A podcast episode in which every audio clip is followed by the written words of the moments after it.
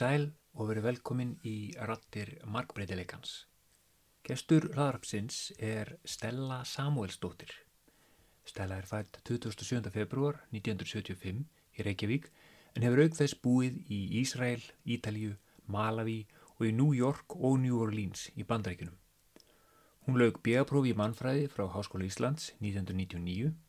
Árið 2003 útskrefast hún með postgraduate diploma í alþjóðarsamskiptum frá The John Hopkins University og 2004 með postgraduate diploma í ofnberi stjórnstíslu frá Háskóla Íslands. Einnig hefur hún D-vottun í verkefnastjórnun Endurmentun HÍ sem hún laug 2010. Áhuga svið stelu snúa af ferðalögum, mannreitindum og alþjóðamálum. Í gegnum tíðina hefur hún meðal annars starfað á verkfræðistofu sem sérfræðingur á skrifstofu Þróunasamvinnustofnunar í Malawi og haft yfir umsjón með ýmsum verkefnum þar. Uh, unni sem sérfræðingur hjá fastanemnd Íslands til saminuðu þjóðana í New York, unni sem sjálfstætt starfæti ráðgjafi í þróunamálum og reykið einn fyrirtæki. Í dag starfa Stella sem framkvæmdastýra UN Women á Íslandi. Kom til sæl og verður velkomin í rattir margbreyðileikans. Takk fyrir. Uh, takk fyrir að koma og, og hérna, uh, já, það er bara til ég eða þetta spjall. Mér langar raunin bara að byrja að forvittnast um hvernig þú rataðir inn í mannfræðina. Já, það er góð spurning. Já, og svona smá aðdraðandi að því að ég byrjaði í mannfræðinni en hérna, frábært. ég sérst var í MH, útskæðastaðan 95, það er sérst seint á síðustu öld. Eh, og tók mér það ársleifi eftir eftir eh, mentaskóla og þá var ég svona alltaf að leita sjálfur mér og finna hvað ég vildi gera. Ég viss alveg, ég hafði áhuga á ymsu og hérna, það var svona helst sagfræði, lögfræði, eitthvað, eitthvað því tengdu. Og hérna, ég endaði á því að fara til Ísrael, sérst í þessu hliði þarna og var starfaði þar á samirkjubúi Já, í einhverja mánuði með vinkonum minni og ferðaðist um þarna löndin í kring til Egiptalands og Jórdaníu og, svo í Gríklandi og þessi, þessi mánuðir hafði mikil áhrif á mig og opnuði svona augum mín fyrir mjög mörgu verandi í Ísrael á þessum tíma þar sem, sem sagt, Ísak Rabin var, það var nýbúið að drepa hann. Það voru að koma ný stjórnvöld og voru kostningar um, upplefa svona land sem ég hafði alltaf tengt stríði og átökum í sjómarpi og fréttum. En vera þarna á samirkjubúi í Ísrael megin og upplefa það að þarna voru geðingar sem voru að berjast fyrir friði. Sjá þá hlið e, þó að ég stiði alfar, alfarið Palestínu en það var mjög áhugavert að kannski sjá að hlutirnir eru ekki alveg svartir og hvítir.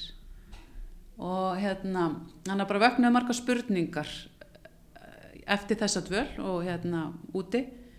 Og hérna og ég kom heim og, og það er í ágúst og fóreldrar minna lögðu alltaf miklu áherslu á að við, við sískinu myndum menta okkur. Og pappi minn segir að hann sé búin að skrá mig í Háskóli Íslands. Já, ég veit nú ekki alveg sko hvernig hann fekk það í gegn að skrá mig bara í Háskóli Íslands án þess að skrá mig í eitthvað nám. En svo bara mætti hann líku við út á fljóðall hann sótti mig með sko námskrána og bara nú ferð þú í gegnum þetta ákveðu hvaða nám þú ferð í. Var það þá, það gaf bókin þykka? Já, gamla góða þykka bókin sem að fletti í gegn til þess að fara yfir allar námsleiðir Háskóla Íslands og, sem eru fjölmargar og það er svona tók þetta á smá stund og svo fekk ég líka einhverja lána bók sem var nýjútkomin sem fjallaði svona um námsleiðir í Háskóla Íslands. Þannig ég var svona fljóta að geta útilokað það sem ég vildi ekki fara í og hérna, það var fullt af námi sem ég bara hafði heitlaði með ekki. En semst, við fórum hérna í sikkuru lægi ég og pappi minn að skoða þetta. Og svo hérna fór ég eitthvað út og hann skoða þetta líka á meðan og svo kem ég heim og, og segi hann, já, ég, heyrði, ég, veist, ég er búin að finna námi sem ég er búin að vera að leita að. Bara, ég bara dotti niður á það og, og hann segi, já, ég held ég sé líka búin að finna það sem geti heitlaði og við bara segjum á sama tíma mannfræði.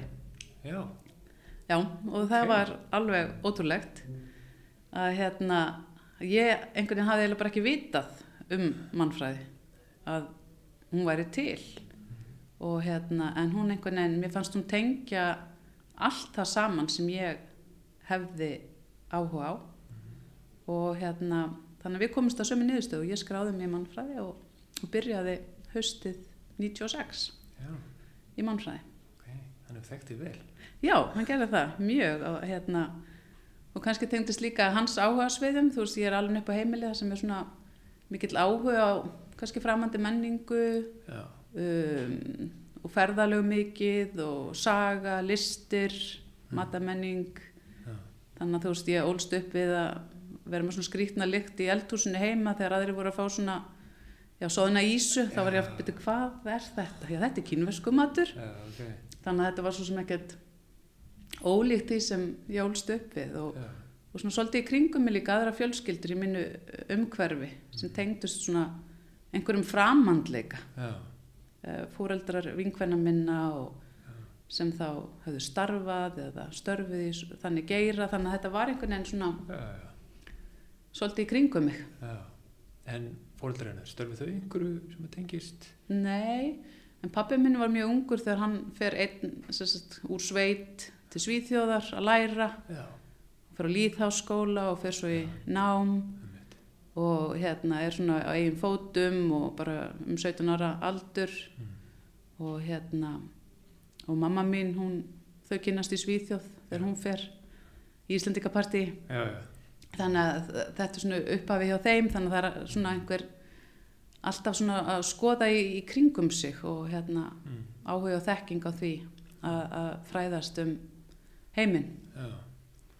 Ok, þannig að það hefur einhver svona, já, svona aðstæður sem að allan, já, íttu mögulega eitthvað pingu undir þetta eða hvað? Já, Eða, ég myndi segja það bara hérna þú veist ég var svona eðlisfari kannski forvitin og alin upp við það að vera forvitin og spurja spurninga já, og fylgjast með heiminum, hvað verið að gerast og, og, og þú veist víðsynni Mm. þú veist að hvetja til að ferðast til Mm. þess að upplifa það, hlutirnir er ekki já, kannski alltaf eins og þeir virðast vera að maður þarf svona að spyrja sér spurninga og einmitt.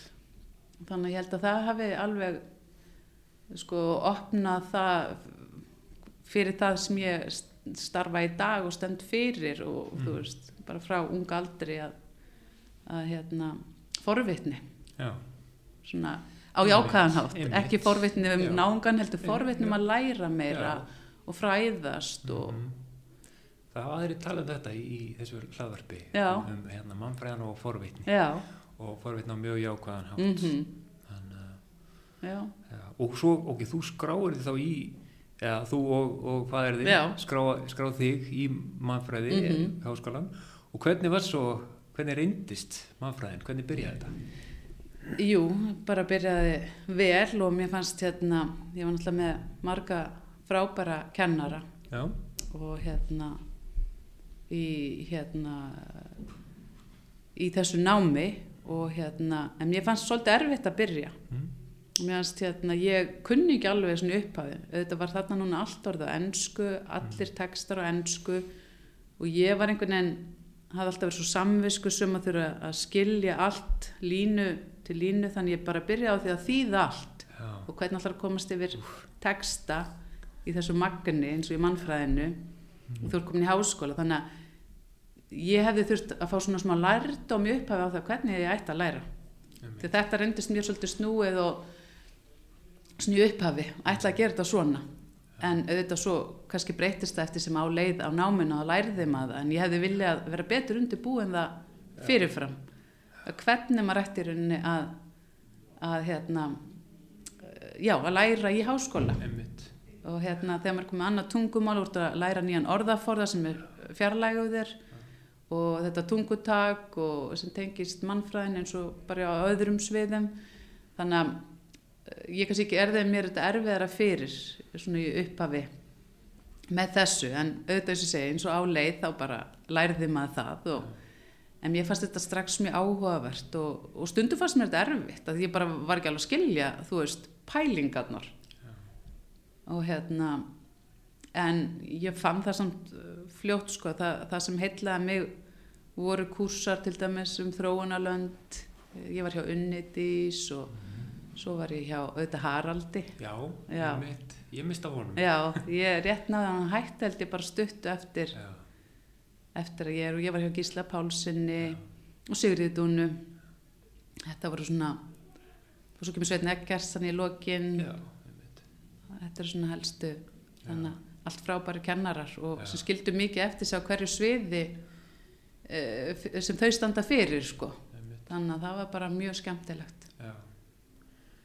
Ég man eftir þessu, það tók mig alveg eitt og hálft ára að læra að læra já, í háskóla. já og þú veist þetta er svona þegar maður horfir á þetta tilbaka þú veist, og sér þetta svona uh, þá, þá sé ég hvað ég gerði mikið vittlust sko á þessum tíma en það hefur verið auðvelt að koma kannski veg fyrir það og undirbúa mann betur áður en Já. uh. Námið hefst. Já, ég veit að það er komin einhver svona svona hálfgerð undirbúningsnámskeiði allavega Mhm. varðandi uh, skrif já, og slíkt. Já, ég hugsa þetta sem mikið breytt núna. Já, en hérna uh, þetta er mjög góð punktur það hérna, þetta er stökk að, að fara inn í háskóla og, og þessu ég læra nýtt tungumál, nýtt fagmál. Já, mannfræði fagmálið algjörlega, þó maður teldur sig kannski sleipan á ennsku og Mhm. alveg ágætlega vel sett en þá var, varstu komið orð sem bara því fannst þú ekki skilja setningarnar að þú skildir ekki þetta orð og Já, þú veist, sumt fræði fólk skrifar ekki mjög einfaldan texta. Nei, þar fyrir utan sko, þá er þetta ekkert svona ná tilmanns heldur. Og hérna en þú veist, auðvitað myndust líka bara góðir hópar og maður eignast fullt af vinum þar sem við vorum að bara læra saman og skipta Einmitt. með okkur verkefnum svolítið að bara upp að ná utan um námsefnið. Já, þannig að það var líka skemmtilegt. Og hvað, hérna, fórstu þá að áttaðu hvað verið þitt áhuga svið innan mannfræðinar? Nú er þetta svolítið vítt svið. já, einmitt. Um, á tímabili fannst mér mjög áhugavert þessu líffræðilega mannfræði. Já, og hérna það var hérna mikið tala um það á þessum tíma það var verið til dæmis svona réttar mannfræði já, út af Bosníustríðinu. Já, og mér fannst það einhvern veginn það strax einhvern veginn og það var mannfræðingur hér, nú er ég búin að gleyma hvað hún heitir sem hérna Eva heitir hún. Mann ekki eftirnafna hennar hún var einmitt réttar mannfræðingur og var Já. mikið að grafa upp uh, í Bosníu. Já, mér fannst þetta strax einhvern veginn áhugavert. En hérna en þróunalöndin fannst mér alltaf spennandi um, og kannski hafði það svona áður bara frá því ég var krakki sko, einhvern veginn frá því að baukarnir voru frá Rauðakrossinum og maður var að sapna og það var einhver svona einhver réttlætiskend í mér og svona sam, ekki, sa- samkend og mér fannst þetta svona óréttlæti. Það var svona og ég man það bara í samræðum okkar hérna í mannfræði þegar maður er svona ungur þú veist fór, þú veist ég tók þetta allt svona nærri mér Já. bara og hérna átti í miklum samræðum mörgulega oft heima sko, Já. bara um það bara þetta væri nú bara ekki svona, rétt svona og hins einn og en það er kannski eins og ég hef alltaf verið þú veist eins og bara mér breytti smála annað þú veist ég hef tekið þetta svona já, stert já, til mín Já. og hérna eitthvað sem er mm, mér finnst fyrir ósangetni já. Einmitt, þetta er líka, og þetta hefur verið um, umræða svona, mann ég, ég las þegar ég var e, í mannfræðinni þetta með munin á sko svona fræðilegri mannfræði mm og svo einhvers konar svona hagnýtri eða, Mhm. eða og hérna Nancy Seber Hughes talaði um hvað militant anthropology eða barefoot Mhm. anthropology við erum að berjast fyrir -hmm. réttundu viðmælenda okkar Mhm. sérstaklega við erum að tala við einhverja sko jáðarhópa eða, eða einhverja Mhm. góðara hópa og, og ég man að ég last að hún lendi í, alls konar rítelum við, við einhverja svona eldri mannfræðinga sem að Mhm. vildu hafa þetta bara, nei þetta er bara fræðilegt og við erum hlutlega smælitæki sem við getum ekki verið. En hérna, mér veist ég að heyra pingu Já. eitthvað þess átt ég held að ég hef alveg getið tengt við það. Já, að hérna sjá þetta sem já, tækifær til þess að nota okkar rödd og, og hérna í baráttu allan að tengdi það mig við það já, þó ég hafi gert sko lokaverkefni mitt já, það var um hagsmuna árekstra umhverfisverndar og verksmiðju reksturs var þetta bíða eða emma? bíja, ok, e, það var hjá Gísla Pálsinni já, og hérna, þetta var mjög stort verkefni, við vorum tvær og við Já. fengum að gera sérst, Ok. eiginlega rannsókn. nó, Já, þannig að þetta var mjög viðamikið verkefni og Já. Ég myndi segja að þetta er það sem kendi mér mest í Já. náminu, bara að fá að gera rannsókn einmitt, og hérna og líka um svona málefni sem hafði alltaf verið svona deilumál í íslensku samfélagi já, og þú veist, þetta er samt, þú veist, í kringum Já. 1999 já, já, já, wow. svona áður en öll umhverfismál fara hérna á flug þannig Já. að þetta var svolítið áhugavert uh, að koma með þetta þá já, en hérna og við fórum í Mývasveit og vorum, sérst, tókum djúb viðtöl við Ok. fullt af viðmælendum og við vorum í vettfansrannsókn að hérna já, að fylgjast Vá. með fólki og alvöru, já, þetta var bara alvöru sko. Já, vorum þarna í eina, tvær viku bara yfir páska. Ok, og hérna, en þetta kendi mér rosalega mikið. Já, bara að, já, að gera rannsókn frá til Ö og, og svo líka heimildarít gerði þetta Já. með.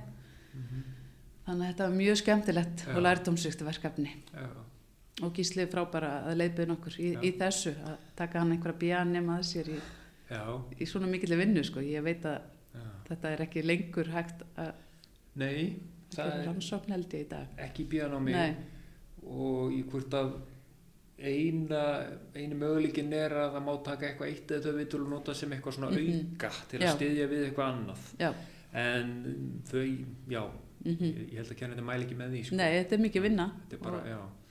Þannig að, já, ég trúi því að þetta hefur verið hérna áhugavert, skemmtilegt og eitthvað erfitt líka. Já, já, en mikill lærdómur Já. bara virkilega. Og já, það, þú, þú klárar bíja já, og hvað þá? þá hérna var ég ekki alveg viss um hvað ég ætti að gera í framhaldinu. Hvað, ég vissi ég ætla að halda áfram í námi en ekki alveg hvað en þá fyrir ég að vinna á verkfræðistofu í tvö ár. Hmm. sem fyrir mig á þeim tíma var ég alveg verkfræðistofu nú er ég bara algjörlega komin út í út á tún sko. Já, ég mannfræðingurinn. Já, já. Þú veist og náttúrulega alltaf með þessar spurningar og hvað gera mannfræðingar? Og hvað, hérna, hvað ætlað þú að gera? Þú veist meðan vinni manns voru kannski að klára líffræði eitthvað fóru inn í einhver ákveðin störf og enginn efaðist um það Nei, þá var, voru allir við mig já, mannfræðingur og hvað ætlar að gera? Já, vinna á verkfræðastofu mér fannst þetta svona já, ok, þetta var svona ég hugsaði þetta sem starfs, tímabundi starf á meðan ég myndi átta mig á því í hvaða nám ég vildi í framhaldinu því ég vissi ég vildi fara út í nám og hérna helst til bandaríkjana þannig ég var svona að skoða það hvað, hvað, hvað það getur verið. En sérst, í þessari, þessu, þessari vinnu á verkefæðastofunni þá átti ég nú eftir að sjá það setna hvað svo reynsla reyndist mér ótrúlega vel. Já, þarna lærði ég bara mjög mikið og leið náttúrulega að vinna með verkfræðingum sem Já. eru náttúrulega allt öðru sem mannfræðingar.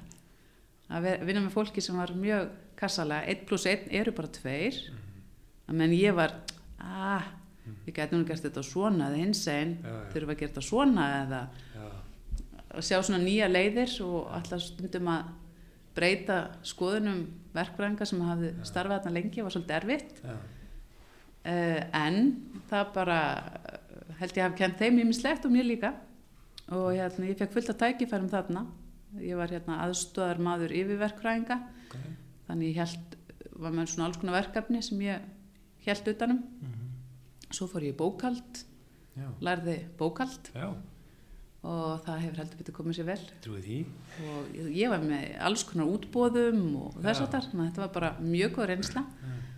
og allan að voru þeir það ánæði með mannfræðingin að þeir, ég veit að voru margir mannfræðingar sem koma eftir mér sem voru Já. ráðnirinn ok, í þetta fyrirtæki. Þannig að það var bara mjög jákvætt. Já, og hérna eh, góðir mannfræðingar. Hmm. ok.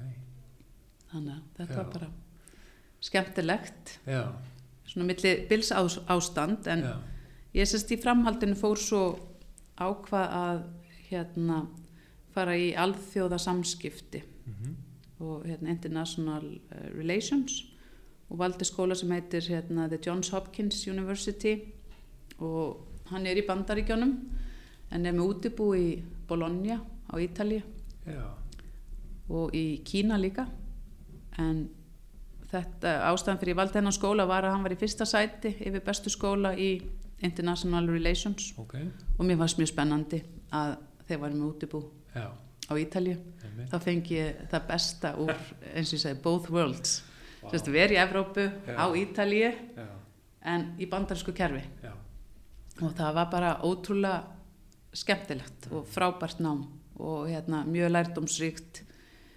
Og hérna var sérst flyttið til Bologna þarna 2001 til- og var þarna til 2003 og hérna lærði mjög mikið þar en þú veist fókusur að á mannréttindi og alþjóða lög og alþjóða samskipti þannig ég var ekki beint svona fókusa uh, þú veist fara langt niður. Þetta var svolítið opið hjá mér. Mhm, að því ég var ekki ennþá viss hvað hvaða starfi ég vildi fara og vildi ekki þrengja með einhvern veginn of mikið en gaf mér bara mjög gott nám og hérna læri líka um, þró, um þróunamál já, Þannig að og bara vera í þessum hópi fólks, þetta var um hundra nefendur, allstara úr heiminum mm, og hérna skemmtileg samtöl og þetta er fólk sem ég er ennþá í sambandi við í dag. Ok. þannig að og það var líka skemmtilegt, það voru náttúrulega ekkert margir með mannfræði í grunninn þannig ég kom með svolítið öðruvísi grunn kannski en margir aðrir. Mhm, og hérna já, þannig að þetta var bara frábært tími. Já. Og hvernig klárar það? þetta er 2003 Já, og, og þá kem ég heim sko og, og þá er það svona já hvað ég gera núna sko? En hérna enda aftur eiginlega á verkfræðistofunni tímabundið. Já, og hérna í eitt ár en fer þá í ofinbæra stjórnsýsli hérna í háskólanum já, með uh, vinnunni. já, tök diplóma í því. Mhm, bara til þess að hérna að ég ætla ekki að missa hennan tíma. Mhm, og, og hérna en viss alltaf, þú veist, mér langaði eitthvað tengt annarkvort utaríkistjónustu eða þróunamálum, ég var alveg komið með það. Já, en á þessum tíma það var líka bara mér bauðstarf til dæmis að fara til Thailands að vinna fyrir UNAIDS já, það voru einhver tækifæri en þetta var allt áttu bara að vera sjálfbúðalega að vinna. Já, já, og þú veist, ég var búin að vera í dýru námi og eiga þá bara að, fljúa út og hérna sjá um uppihald og annað. Það var bara ekki, ekki bóði nei, en svo þarna um sömari 2004 því að útskrifast með uh, úr ofinbæri stjórnsýslu sem var frábært nám líka. Mhm, og gaf mér svona einsinn inn í ofinbæra kerfið líka, svona meira. Að hérna að þá fekk ég vinnu hjá þróunarsamunustofnun Íslands já, og hérna uh, sérst bara sumarstarf þannig ég hætti á verkvæðarstofunni til þess að fara sem sumarstarfsmaður. Já, það var ekkert með neinu vilirði fyrir ne- neinu meiri, ég vildi Nei. bara okkur nú þannig er ég tækifæri fyrir mig. Já, komast með hérna, fótinn inn fyrir dyrnar. Já, og hérna þannig að ég var í alls konar verkefni þannig um sumarið en var svo beðin um haustið eða í ágúst að hvort ég væri tilbúin að fara sem fyrsti starfsnemi þróunarsamnustofnunar til Malawi já, og vera þar í fjóra mánuði. Ok, og ég bara heldur betur tilbúin í það. Og svo dvöl endaði með að vera ekki fjóri mánu heldur fimm ár vá, í Malawi ok, þannig að ég byrjaði sem starfsnemi já, var svo sérfræðingur og svo verkefnastjóri félagsleira verkefna. Já, þannig að ok, það var mjög lærdómsríkur og spennandi tími og, og þarna náttúrulega kom bara mannfræði mentunin svo innilega í góðar í gó- hérna, góðar þarfir að hérna. Hvernig þá? sko, ég, mér finnst hún svo sem hafa komið mér alltaf vel í öll sem ég geri. Það, það er bara að vera þessi manneski sem er opin vera ekki minnina fyrir uh, frammótaðar hugmyndir um, skoða hluti frá ólíkum sjónarhornum um, auðvitað stundum getur að vera svolítið erfitt. Stundum, hérna, ég hef stundum hugsa akkur þarf ég alltaf að vera með allar þessa pælingar? Hverju getur ekki bara ákveð þetta er svona og tekið ákverðu 1 pluss 1 er 2 Já, nákvæmlega. Við þurfum alltaf að flækja þetta sko. að hérna en þú veist bara eins og ég segi, nýttist mér mjög vel í öllu þessu að hérna koma á stað sem eitt fátakasta land í heimi og hérna gaf mér líka bara þessa meðvitund um það hvaðan ég kæmi. Já, með, með hvaða gleru ég væri. Þú veist, Já. og bara passa mig á því og að mér sé meðvitaður já, um forréttindi sín og hérna já, hafa það alltaf í huga. Já. þannig að já, bara frábært að, þú veist í fimm ár þarna, já, sagt, fimm ár þannig já, að, já, og þá svolítið svona vinnaði áfram uh, frá því að vera eitthvað starfsnemi já, og sérfræðingur og, já og svo í verkefnistjórastöðu já, og hérna og þar kom, þú veist, líka jafnbrettismálin inn í. Já, þú veist, þetta voru verkefni sem tengdust líka alltaf með fókus á jafnbretti eins og stjórnvöld vinna. Já, og hérna þar fekk ég líka svona útrás fyrir þeirri ástriðu minni. Já. og, Hvernig, hvernig gekk að hérna vera já, ungmanneskja með svona sterkar skoðanir á Mm. jafnbreytismálum mm og vera svo að vinna innan svona batterís, innan kerfis? Um, auðvitað eru svona líka á þessum tíma þá eru hlutinu svolítið að breytast. Áherslur í þróunarsamvinnu og það er að fjölga konum í hérna sem er að fara á vettvang og við erum ekki einingus í fiskiverkefnum.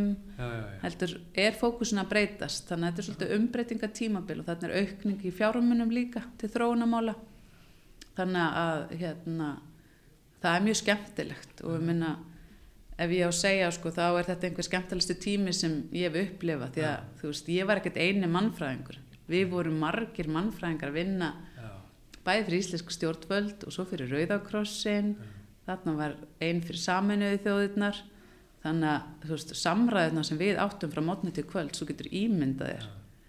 Við vorum öll bara í okkar elementi sko að tala um það sem við höfum passjón og ástriði fyrir þannig að rökræðirnar, hvort sem það var um stjórnmáli eða þróunarmáli eða hvað sem er. Já, þannig að þetta er kannski svona eini staðin sem ég hef upplegað að vera þar sem bara líka við mannfræðingar voru í meiri hluta já, og þú veist það var mjög sérstakt eftir að hafa verið alltaf samfara allir, já mannfræðingar við gerum ímislegt og en það er engin hérna akkurat en, verkfræðistofan og, og fara svo í það að vera á vettvangi þar Já. sem er mikið að gerast og mikil aukning og fleira starfsfólk og stór hluti þeirra eru mannfræðingar Mhm. og það var bara ótrúlega skemmtilegt Hægt að tala um postmodernism aðeins að nokkur bara- hérna, en engin spurningamerki Já, heldur já. bara, þú veist vaðið í málefnið Já. og þannig að þetta var mjög skemmtilegt og, og hérna oft tekist á þú veist það er náttúrulega ekkert mikið um að vera á svona stöðum en þá höfðu við svo sannarlega gaman að hvort öðru já, að hérna ræða málin Já. eh, fram á nótt um, um hérna mm, það sem ma- mannfræðingum finnst skemmtilegt að Já. hérna horfa í þannig að það var bara frábært sko. og þetta eru fimm ár þarna já, fimm ár já. Og hvernig lög því tímabili? Já, sko eins og svo var líka náttúrulega ég kom hann út og búin að læra allt sko um þetta, um þróunamál og hérna. En þegar þú kemur að vettvang það er svo allt öðru sér, þú nærð aldrei heildarmyndinni fyrir að þú er komin á vettvang. Þannig að líka að upplefa það var svona merkilegt bara. Ég var alltaf að reyna að tala um þetta og hérna út frá því sem ég búin að læra og kenningum alls konar en þetta meikar ekkert sens fyrir hann komin og þá bara já nú skil ég. Já ymmit, þetta er út af já já nú skil ég tengslin og þannig að mér það mjög mikilvægt og, og þú veist ég fekk ekki menningarsjöka að fara út en ég fekk menningarsjöka að koma heim alltaf. Já, það var svolítið skrítið að upplifa ok, það. Hvernig þá? Ísland var líka bara svo breytast á þessu. Þetta er á árunum 2004 til 2009 að þetta er í einhverju me- mestu efnags uppbyggingu og ég kom hérna heim og ég þekkti ekki samfélagið mitt og allir bara, það var allir komin á ameríska pallbíla hérna og svona einhverja stóra drega já, og þetta var eitthvað svo já, mikið klikk þannig að þú veist, skil. Já, ég, eins og þessi, ég fekk alltaf meira já, menningarsjokk að koma hinga heldur en að fara út. Þá var það bara, ah, hvað, hvað, það bara komin aftur bara í hérna já, það sem fólk er bara að njóta dagsins og, auðvitað í fullt af erfiðleikum en hérna en samt einhvern veginn það er á annan hátt uh, upplifunin og hérna já, þannig að því ég kom hinga heim aftur tilbaka 2009 þá var það Já. náttúrulega mjög erfiðum tíma einmitt þannig ég vissi ég myndi ekkert fá neitt starf það var eiginlega mm. ljóst um, að því að þetta var bara samningsbundi sagt, þannig ég kem bara heim og ákvað þegar þá að nýta tíman líka og fer þá í hérna, verkefnastjórnun já, í endumöndun og tek það. En ég er sagt bara hér í hálft ár þegar ég fekk svo starf hjá fastanemnd Íslands til saminuðu þjóðana um, í New York. Ok. Þannig að eftir hálft ár hérna heima flytt ég til New York. Þannig að þetta var svona svolítið eins og flytja sveitastelpuna í stórborgina. Já, ok, því ég fekk líka menningasjokk að flytja þangað. Já, Þa, það var úslega uh, mikil breyting frá því að vera í Malawi af því að eins og ég nefndi að Malawi hafi verið svo mikið samneiti við fólk mm. og bara skemmtilegt fólk og við þurftum að skapa okkur ein tengsl og tengingar. Mm. að meðan þú kemur svo til New York og þar hefur allt allt sem við getum dreymt um og, og mér kannski var búið að dreym um uh, þú veist á meðan ég var úti bara ó það verið gaman um New York og geta gert allt en, en svo kemur það anga og þá einhvern veginn gleipir borgin þið svolítið og, og þú ert að vinna svo mikið að þú hérna, hefur ekki tíma til að sinna því mm. heldur að hérna langir vinnudagar frá mótni til kvölds já, Og- Já, og þá um helgar ertu bara svona ná að fara á þvóttahús og þú þvóttiðinn og kaupi matinn og hérna, þannig að það er lítill tími. Já, en hérna, hann er röðmi allt annað rithmi já, þó maður hafi unni mikið líka í Malawi en, en það er öðruvísi sko, einhvern veginn, þarna er í Stórborg og hérna allt á fullu og samningaviðræður oft fram á nætur og, eh, en þetta var náttúrulega samt bara magnað. Bara magnað að vera í New York og, og starfa þarna hjá fastanemdinni og, og, og ve- vera sérst að taka þátt í því að tala fyrir þeim málaflokki sem ég eh, samsama, samsama mig hvað mest við mm. þannig ég var sérst þá mínar áherslur var að halda utan um þróunamálin og hérna og svona mannréttindamál og jafnbrytismálin þar Já. undir þannig að hérna þetta var náttúrulega fá, fámenn fastanemnd eins og Ísland er. Mm. þannig að mörg verkefni. Mm. en þetta var allt svo spennandi og já, að hérna maður tók þetta allt inn. Já. Nú, nú hérna, nú veit ég þekki ekki svona starf. Mm ég er að velta fyrir mér hvernig þetta er samanbyrði við eins og þú sagðir að áður þá uh, þau ert í Malaví til dæmis mæta fólki þar sem það er Mhm. sjá hlutunum frá ýmsum áttum setja sér í Mhm. spór annara Hver- varst að gera eitthvað svona þarna Mhm. í New York? Ég meina ég myndi bara segja að alþjóðastarf er nákvæmlega svona. Já, og þetta er það sem mást að gera. Alltaf að reyna að fá fólk með þér og, og mynda bandalög. Já, þegar fólk talar um já það er allir þessir diplomatar alltaf í einhverjum móttökum móttökurnar eru til þess að mynda það, þú ert alltaf að vera spott útbyttu. Hvernig, hvernig tryggjum við það að Ísland uh, myndi sér bandalag og þú veist að við getum leita til fólks og annara landa?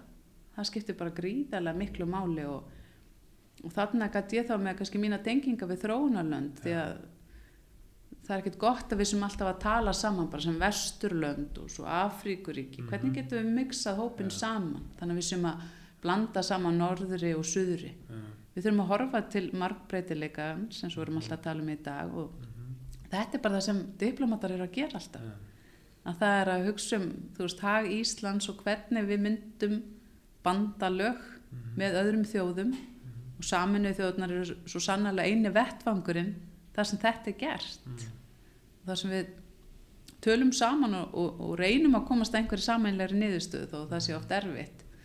En mér finnst það svo mikilvægt og þetta er bara það sem þetta gengum maður var alltaf að hitta fundi hvort sem það voru Norðurlöndin eða önnuríki eða þróunaríki og í samningaviðrum þú þarft að hafa bandamenn með þér mhm, til þess að segja, eru þið tilbúin að hérna, taka þetta og þá kannski getum við sett þetta? Mhm, þú veist, vinna saman að samiljöfum lausnum. Já, og ég held að það hef aldrei verið jafn mikilvægt og akkurat í dag, bara með hvernig Já. heimismyndin er í dag.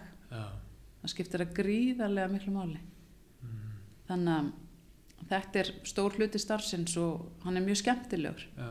Ef, ef fólk hefur gaman af fólki og kynnast nýju fólki og læra nýtt og, og er forvitið og, og þú Mhm. veist eins og margir segja bandaríkja minn alltaf í einhverju small talk. Maður þarf að vera svolítið þannig til þess að og hafa gaman að því. Já, til þess að, mynda þess að brýra á milli. Já, og þú veist það er fleira sem tengir okkur en, en hitt. Já, og við þurfum að finna það og, og vinna með það.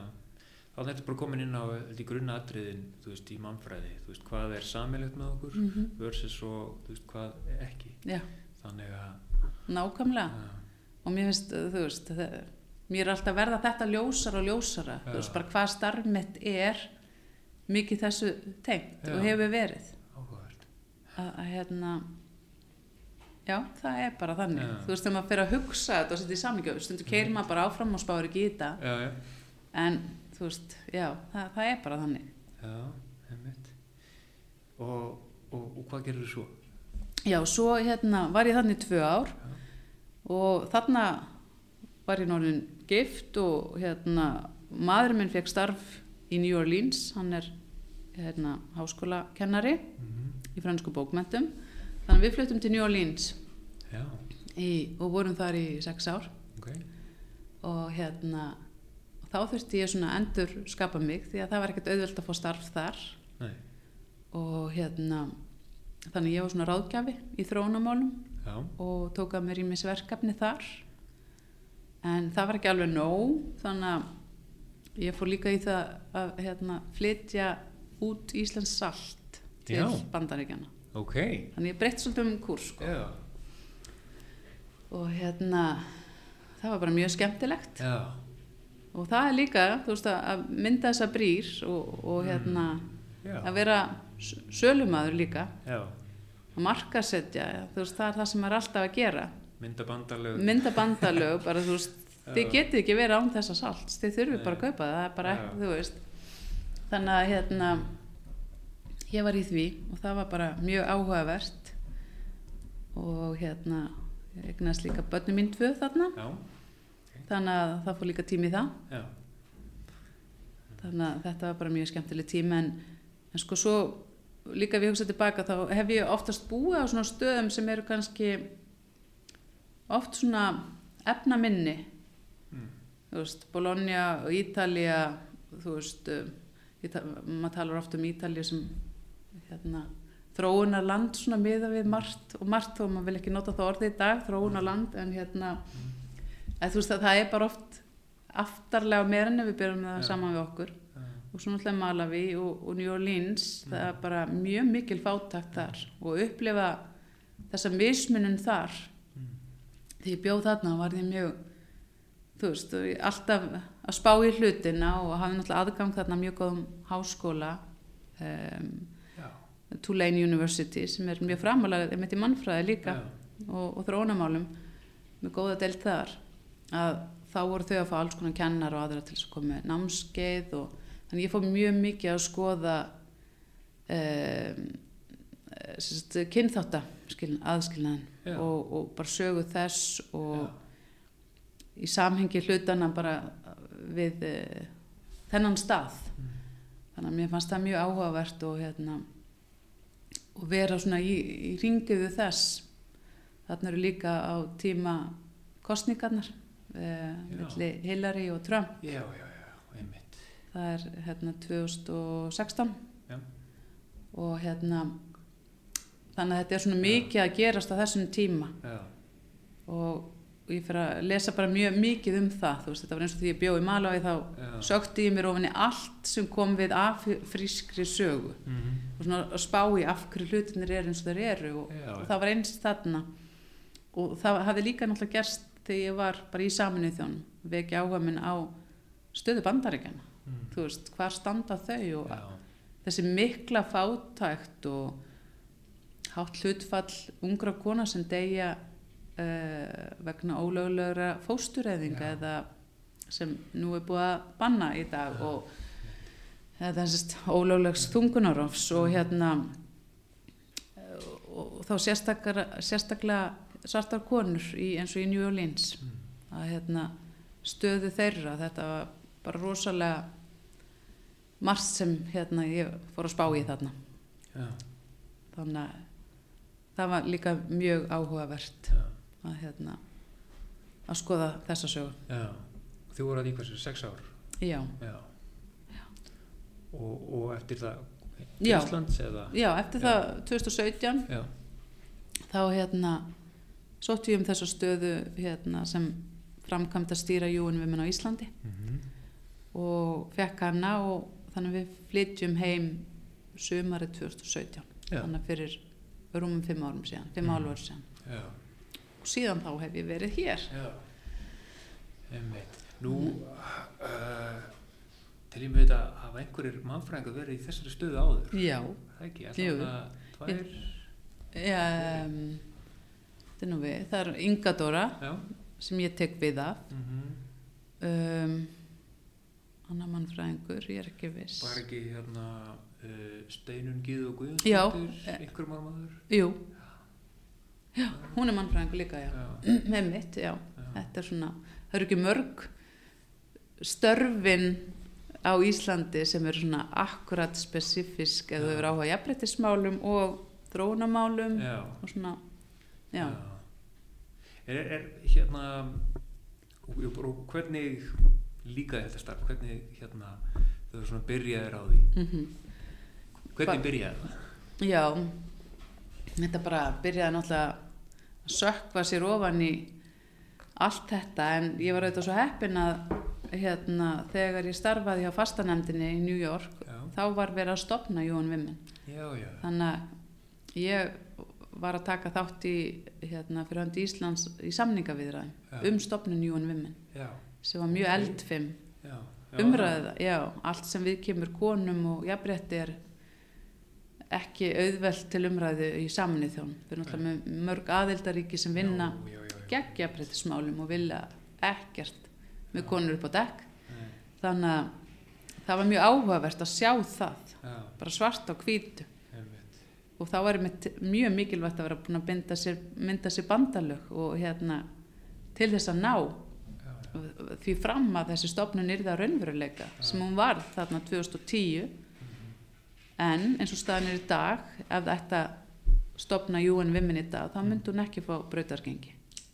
Bakslæðið er það mikið í aðbreytismálum að þetta var nógu erfitt þá að hún myndi ekki komast á koppin í dag. Ok. Þannig er bara staðan. Já, en þegar ég byrjaði þarna 2017 og tekið náttúrulega við frábæri búi frá henni Ingu Dóri vinkunum minni ok. mannfræðingi og hef svo bara haldið áfram því sem hún þangað sem hún var komin að, stækka júin við menn og, og hérna gera okkur meira gildandi í íslensku Já. samfélagi og vekja meira aðtikla á jafnbrettismálum Já. og, og þá sérstaklega uh, stöðu kvenna í þróunarlöndum og í neyð það er náttúrulega okkar aðal fókus að vera talskona þeirra Mhm. vekja aðtegli því að það er ekkert oft sem hérna, við tölum um þessi mál um, um hérna, stöði í þrónalöndum nei, við erum meira svona einblýna á það sem gerist hér hjá okkur en okkur ber líka skilda sem þjóð já, og sem þjóð sem er framalega jafnbrettismálum að hafa áhrif út á við. Mhm, og, hérna, og, og þannig að við erum að reyna að þrýsta á það. Já, að hérna, auka framlög til hérna, jafnbrettismála í þrónamálum og neyð og, og, og stjórnvöld hafa þetta staðið sér mjög vel í að styðja verkefni. Mhm, tengdum jafnbrettismálum og við okkar stopnun og hérna þetta er svona áherslu stopnun í íslenska stjórnvalda sem við erum mjög stolt af og gott samstarf. Þannig að þetta er náttúrulega bara forréttindi að fá að starfa. Þú veist, mér finnst þetta ekki vera starf því að þetta er svo mitt passion. Eða þú veist áhugamál og allt. Þannig að hérna að mæta í vinnu og finnast alltaf gaman uh, með frábæru starfsfólki sem leggur sér allt fram við að verkefni verða raunveruleika. Mm, oft með litla fjármunni til þess að láta þau verða veruleika en alltaf með fullta hugmyndum og tækifærum finna velvilja í garð Íslendinga. Mhm. og hérna, já það er bara ótrúlega forréttindi. Já. Veist, stundum geta að vera svona að því að þetta er svo mikil ástriða að þá losna maður aldrei úr vinnunni. Þú veist, er, ég er bara hann 24 tíma sólarings og líka því að það er mikið rætt um jafnbrettismál í Íslandi. Maður þarf alltaf að vera, þú veist Já. að fylgjast með hverju umræðan, hvað er að gerast. Ég sé svo mörg tækifæri. Mér vantar bara fjármunni til að láta þær verða láta allar hugmyndi verða veruleika. Já. þannig að þú veist, þetta er líka mikil barátta Já. það er allt sem við gerum er barátta það er Já. fyrir fjármagni, fyrir málefninu þannig að stundum getur það líka verið líðandi Já, ég trú því. að hérna, þó þetta sé mín ástrið og annað en þá svona tekur þetta líka toll Nú er maður að heyra bara í umræðinu að þú veist, þetta er rosalega mikið fólk sem hefur ástriði fyrir vinnun sinni sem er kannski að glæsa á vegg eða Mhm. brenna út. mm Þannig að já, það, Já, það, er, það- er varasamt. já maður þarf að passa sig á því sko að Já. setja sér einhverja einhverjar varnir og, og þú veist. En það er oft erfitt ef maður hérna brennir fyrir efninu að hérna og vill eh, hérna gera meira. Já, já. en hérna við erum auðvitað mjög stolt af því hvernig hefur gengið og Já, við erum hérna megi vera það. Sex ári röð þegar við að borga hæsta fjárframlag allra landsnefnda á heimsvísu Einmitt. og það er ekki miða við höfðatölu Nei. það er bara rauntölum Já, og svo e, árið 2021 þá vorum við hérna í þriðja sæti yfir hæstu eh, framlög frá svona frálsum félagsamtökum, stopnunum og, og fyrirtækjum. já, Þannig að við erum bara rétt eftir uh, Bill og Melinda Gates Foundation ok. sem er frábært Já, en segir líka ákveðna sögu ef við erum svona stór hvað Mhm. eru litli fjármunir í þessu. já, einmitt. Þannig að Já. Er, er þetta þá svona þema svolítið í gegnum þína starfsæfi að mynda bandalög? Já, veistu, ég held það. Eitt af þeim kannski. Ég held að skipti rosalega miklu máli Já, og hérna og þegar maður horfir á þetta svona þá er það það sem skiptir máli í Já. lífinu að hafa net í kringum sig. já, Við getum ekkert ein. nei. Þú veist að vera einn einhverju baráttu, þú Mhm. veist, það, það er bara, Já, það virkar ekki. já, Þú veist, þú hefur fólki með þér og ólíka hópa og sem Einmitt. breyðasta fylkingu hvaðan sem hún kemur, veist, það skiptir öllu máli, þá gerast Mhm. hlutirnir já. og tengja fólk saman mhm, og já, mhm. það er bara mjög mikilvægt. Já. Vistu, mannfræðin getur þá verið svona partur af þessu, þessari þjálfun eða? Já. Ekki spurning, ég Já. menna mannfræðin hefur nýst mér óendanlega vel Já, í mínu starfi og Mhm. námi og öllu sem ég hef tekið mér fyrir hendur og ég hugsa oft til þess að þó ég hef oft efast þarna í upphaf þegar allir voru að spyrja mann já og byrja Mhm. hvað, gera, hvað ætlar að gera sem mannfræðingur og hvað gera mannfræðingur? Þá hefur ég líka fengið og ég vildi hefði gert eitthvað eins og þú. Já, ég vildi hefði þórað að já, gera eitthvað svona, var ekki alveg þú veist að ég Mhm. vissi ekki alveg byrju, ég vissi hvert mér langaði en ekki alveg hvað það héti eða já. að þetta er ekki eitthvað eitt fag Nei, og þegar maður er ekki með eitthvað svona að baka sér verkfræðingur, Mhm. lögfræðingur læk, eða þessi já, heiti já, þú veist heldur þú getur skapað þetta svolítið sjálfur þá Mhm. þarf maður að vera sniðugur í því. Já, að þú ég held að fá svo miklu meir út úr því eins og ég hef bara púsla sama mínum minni mentun mhm, úr ólíkum áttum en allt tengt því sem ég hef áhuga á. Það hefur gefið mér svo rosalega góða insýn en í ólíka mhm, hluti mhm, sem allir hafa nýst mér í mínum störfum. Þú veist, bara bókaldi sem ég lærði á Já. verkfræðistofunni. Einmitt, ég meina, ég- þú veist, hagfræði var auðvitað hluta mínu námi í alþjóðamálum. Það var Mhm. alþjóðamál og hagfræði. Og núna bara í mínu starfi þú veist, ég þarf að hugsa um fjármálum við erum að gera, já, þú veist, ég þarf að geta skilja bókald og hérna, það skiptir miklu máli þegar ég var að gera útbóðskögn á verkfræðistofunni þú veist, og svo fór ég, var ég að byggja barnaskóla. Já, einmitt, og bjóða út byggingarskóla ég þurfti að skilja hvað var að gerast og þá var ég bara búin að gera þetta allt. Þannig að maður má heldur ekki dæma svo hart þó þetta kom ekki strax. Það er ekkert engin reynsla sem er vond reynsla. Hún bara stækkar þig.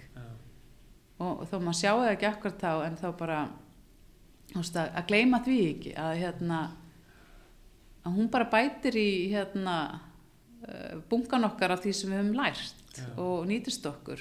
Eh, það er allan að mín reynsla að ekkert af því sem ég hef gert mm, eh, veist, að það hefur ekki nýst mér eða þess, það hefur nýst mér allt þetta sem ég hef lært. Já, og hérna ég held að það skiptir bara miklu máli já, að hugsa um það þannig og sérstaklega fyrir okkur sem erum að fara svona óhefbundna leiðir. Mm, og hérna já, erum ekki með fyrirfram skráðan einmitt. beinan, þú veist, að þú getur farið margar áttir að, að hugsa það svolítið þannig. Já, og vera bara svona örug í sínu að jú, þetta skilar okkur mm, þangað sem við förum en við bara erum hörð á því og hérna og vitum hvert við viljum fara þetta, það skiptir þetta Já. máli Ég er þetta að velta fyrir mig með þetta svona hagnýta gildi Mhm. mannfræði námsins uh, sem er svona kannski ekki augljóst í upphafi Mhm.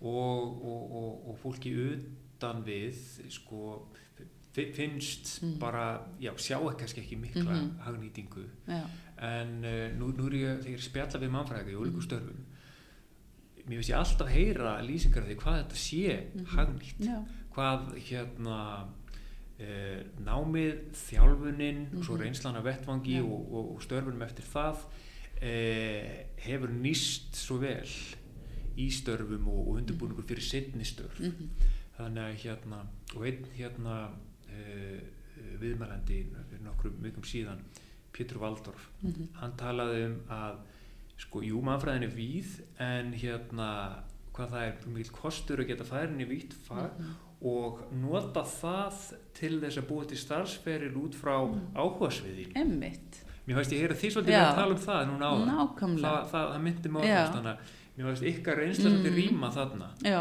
þetta er bara, ég Þannig tek að- alveg undir með Pétri sko. þannig að það Já. væri kostur við Já. þetta víðafag þannig að að þrengja sig með svolítið svo niður á það, það sem maður já, tengir við mann já, en hérna já ég held bara þú veist og þessi faglegu góðu vinnubröð sem hann eru kend ég menna þetta er bara skiptir miklu máli. Já síðferðin og, Já. og, og hérna aðferðafræðin Já. og þú veist færi frumheimildir og, og þú veist allt þetta öll þessi Já. vinnubröð algjörlega. Og þú veist mikið sem við skrifuðum mm, og þú veist og það er eitthvað sem er alltaf að gera. Trúi því Mér finnst það skipta miklu máli að hérna að, að kunna senda frá sér texta. Já, og þó maður sé ekki endilega sk- skrifa einhverjar rosa ritrýndar heimildir að þannig en þá þarf þetta að vera með já, að, hérna, kunna handökin Já, kunna handökin og Mhm. ég held klárlega hérna, að mannfræðin hafi hjálpað með þar sko. Já, þannig að það er já. þannig að hérna hvað sér, þú vaknar á mótnana og fer glöð í vinnuna? Já, já, ég gera það, ég er búin að fá kaffibollan Já. fyrsta kaffibollan, Einmitt. hann verður að koma sko. Já, En já, ég myndi segja það, eins og ég segi, það eru forréttindi að fá að sinna starfi sem maður hefur ástriðu fyrir og, og með fólki sem hefur ástriðu fyrir starfi sínu. Það er bara líkillina skemmtilegri vinnu.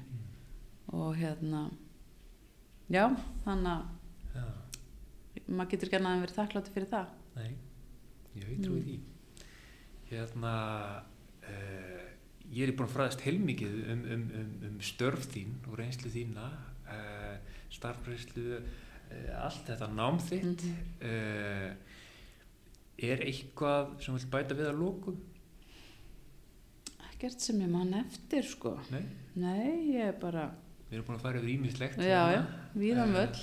Hmm. Já, hvað, Samirkjubú í Ísrael uh, Malawi arkitektastofa uh, Saminu þjóðurnar, þjóðurnar uh, já Bandaríkin og svo UN Women Já, það Já. er svona Já, og ég er auðvitað að glemja ykkur. Já, vel sumeraðu bara. já. Herðu, bara takk kærlega fyrir að koma í hlaðvarpið. Takk fyrir að fá mig, gaman að koma til því.